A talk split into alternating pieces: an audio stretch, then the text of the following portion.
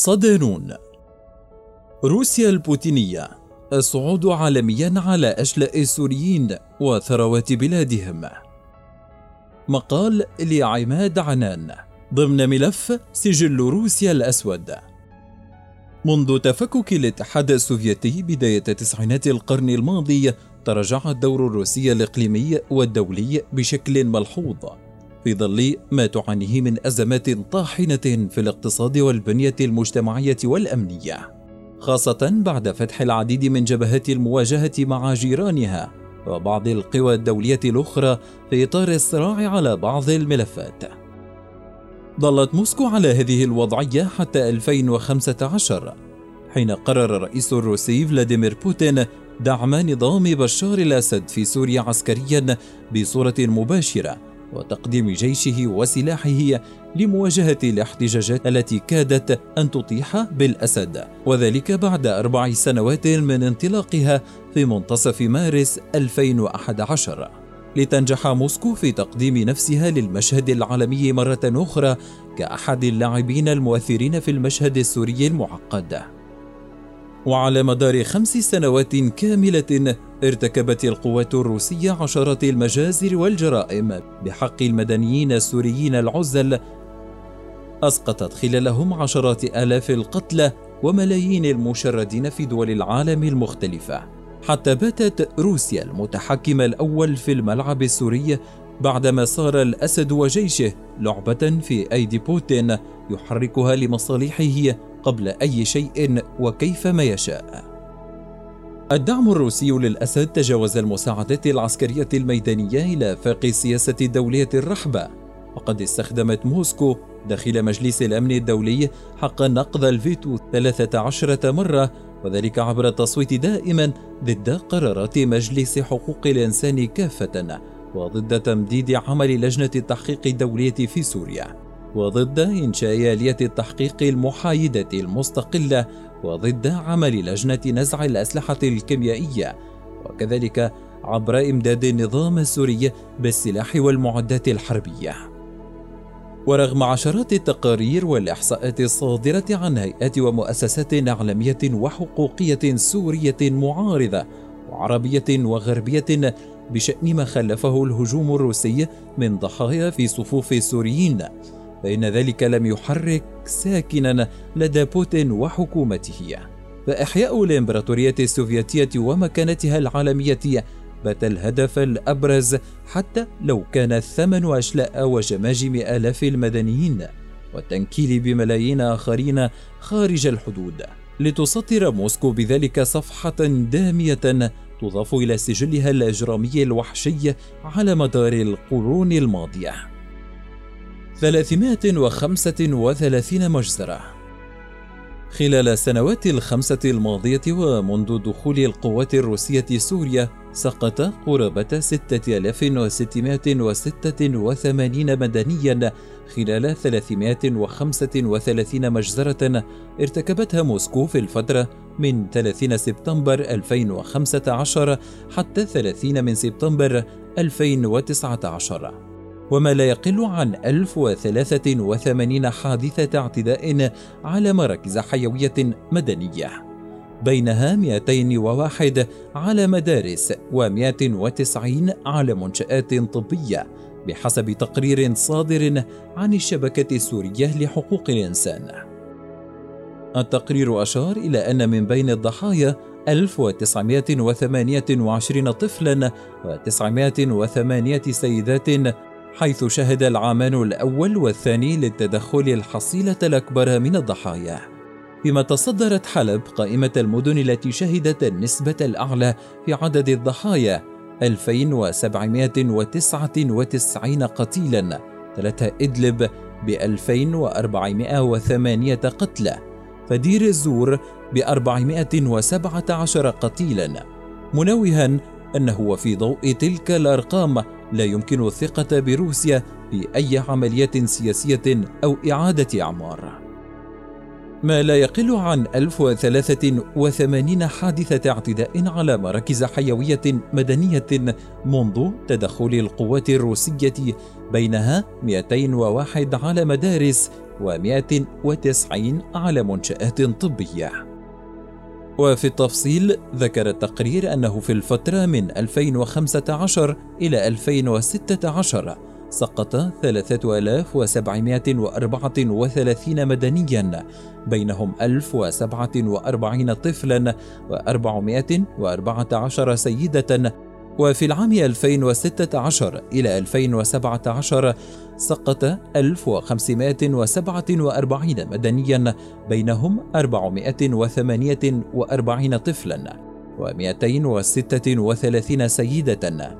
أما في عامي 2017 إلى 2018 قتل 958 مدنيا بينهم 354 طفلا و211 سيدة فيما قتل 447 مدنيا بينهم 79 طفلا و47 سيدة في العام 2019 2018 أما عن عدد المجازر ففي عامي 2015 و 2016 ارتكبت القوات الروسية 172 مجزرة مقارنة ب 90 أخرى في 2017 2016 وفي العام التالي بلغت عدد المجازر 59 ليختتم العام الماضي سجل تلك المجازر بأربعة عشر مجزرة سقط خلالها آلاف القتلى وأضعافهم من المصابين والجرحى.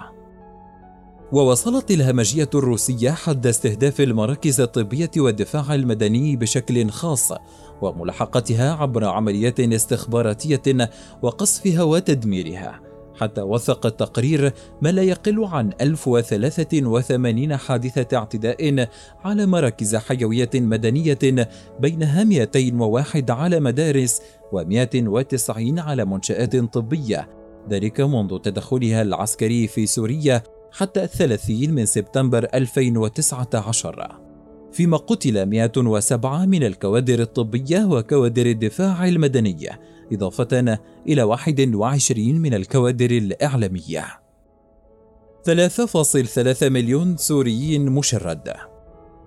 من نجا من مجازر الروس داخل الأراضي السورية لجأ إلى النزوح هربا من حروب الإبادة التي تشنها القوات الروسية وتشير التقارير إلى أن حجم العنف المتصاعد الذي مارسته قوات بوتين كان له الأثر الأكبر في حركة النزوح والتشريد القسري. وساهمت هجماتها بالتوازي مع الهجمات التي شنها الحلف السوري الإيراني في تشريد قرابة 3.3 مليون نسمة. استخدم الروس ومعهم ميليشيات الأسد وطهران كل أنواع الأسلحة المحرمة دوليا في حربهم ضد المعارضين والمدنيين ورغم الإدانات الدولية والأممية فإن ذلك لم يغير من الوضع على أرض الميدان شيئا. حتى بات البقاء داخل البلاد مغامرة محفوفة بالمخاطر قد تكلف الموجودين حياتهم وإن كانوا بعيدين عن ساحة المعارك المباشرة. الحرب السورية وفرت مجالا لا يقدر بثمن لتجربة السلاح الروسي في ظروف ميدانية حقيقية لم تكن ساحات التدريب لتوفرها أبدا.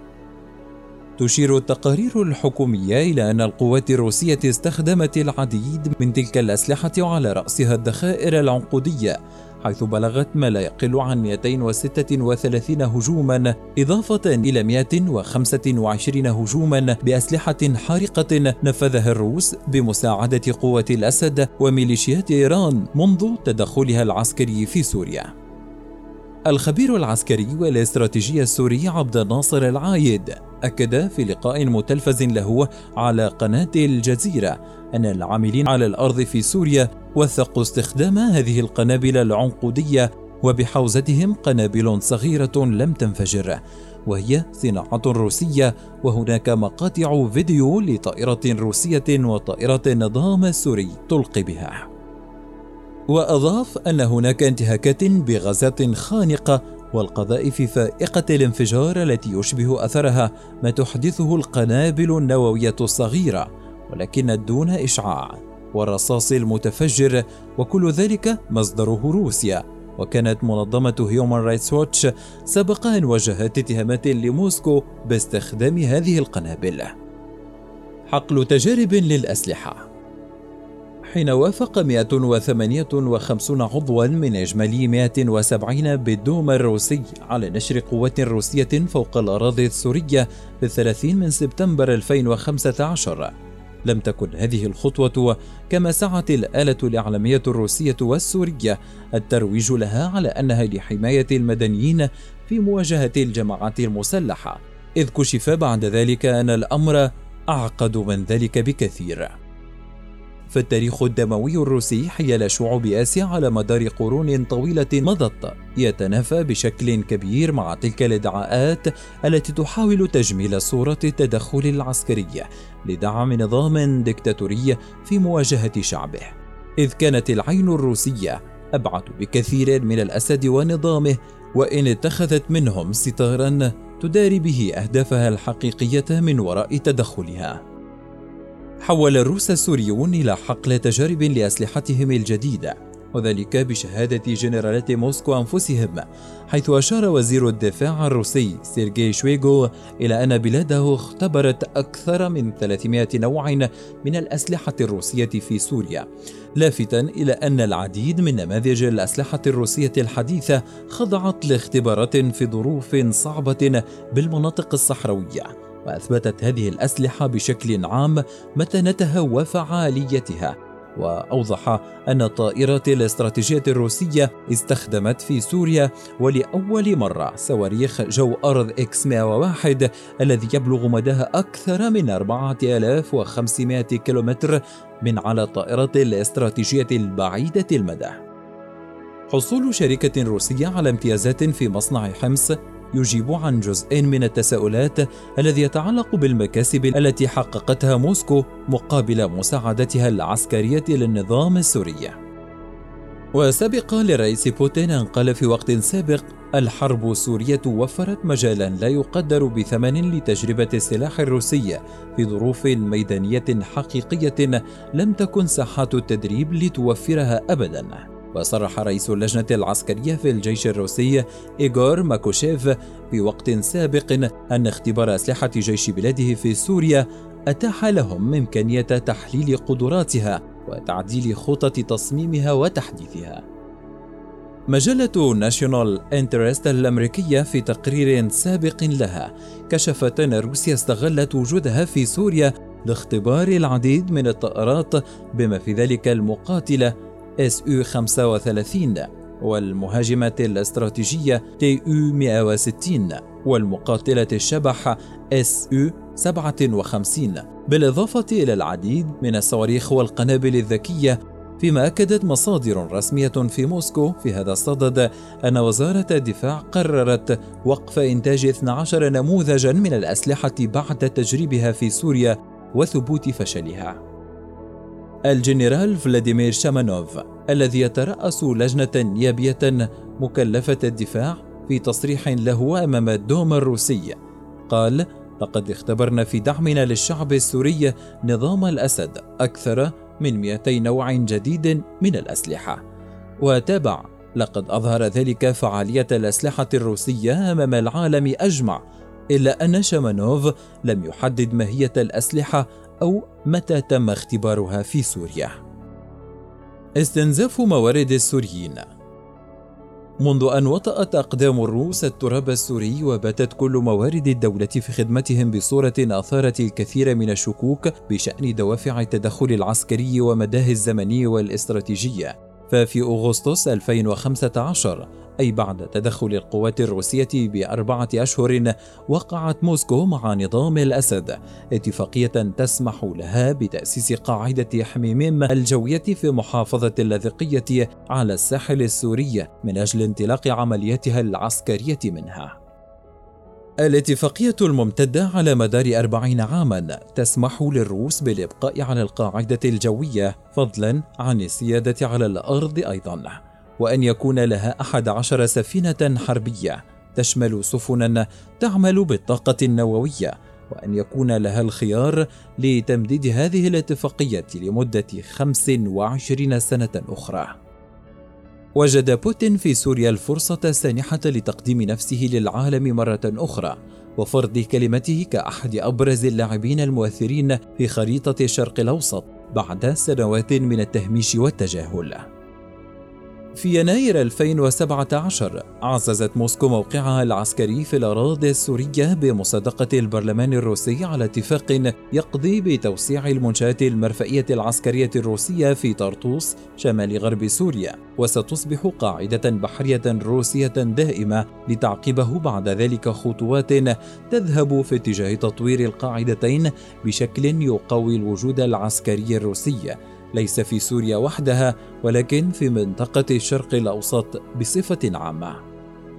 وعلى الجانب الاقتصادي نشرت صحيفة الفاينانشال تايمز تقريرا في سبتمبر 2019 كشفت من خلاله الغنائم التي حصل عليها الروس وحلفائهم خلال سنوات وجودهم فوق الأراضي السورية مستشهدة بما كسبه غينادي تيمشينكو صديق الرئيس الروسي فلاديمير بوتين متدثرا بعباءة الشرعية التي منحه إياها النظام الأسدي.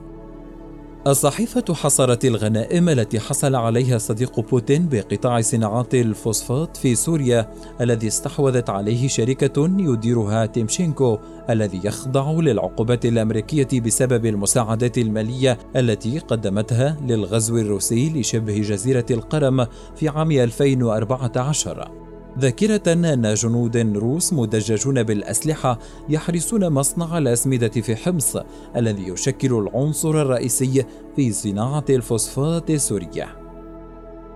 التقرير اعتبر أن حصول شركة روسية على امتيازات في مصنع حمص يجيب عن جزء من التساؤلات الذي يتعلق بالمكاسب التي حققتها موسكو مقابل مساعدتها العسكرية للنظام السوري. وبحسب الصحيفة البريطانية فإن وسائل الإعلام الرسمية والموالية للنظام أعلنت أن مجلس الشعب السوري وهو البرلمان صدق في مارس 2018 على منح الشركة المذكورة عقدا لتشغيل منجم للفوسفات بالقرب من مدينة تدمر وأن شركة تيمشينكو حصلت على شراكة مع شركة الأسمدة العامة في مصنع حمص. كما حصلت الشركة الروسية على عقد لتشغيل ميناء طرطوس حيث ستشحن صخور الفوسفات الخام والأسمدة إلى الخارج. وجد بوتين في سوريا الفرصة السانحة لتقديم نفسه للعالم مرة أخرى وفرض كلمته كأحد أبرز اللاعبين المؤثرين في خريطة الشرق الأوسط بعد سنوات من التهميش والتجاهل. ومع مرور الوقت نجحت موسكو ومن خلال أشلاء الأبرياء في سوريا واليمن وليبيا باستعادة جزء من بريقها المنطفئ منذ ثلاثة عقود كاملة. ما كان للأسد ونظامه أن يستمروا في الحكم يوما واحدا دون دعم القوات الروسية التي مارست تحت غطاء محاربة التنظيمات المسلحة كل أنواع التعذيب والتنكيل بالمدنيين السوريين ولعل مجازر حلب والغوطة الشرقية ودوما ودير الزور أكبر توثيق للهمجية الوحشية في التعامل مع الأبرياء دون أدنى مسؤولية. مستندة في ذلك إلى تخاذل المجتمع الدولي والوقوع في براثن لعبة المصالح التي ربما تجبر الكثير من القوى على غض الطرف حيال ما يمارس على أرض الواقع من انتهاكات ليل نهار.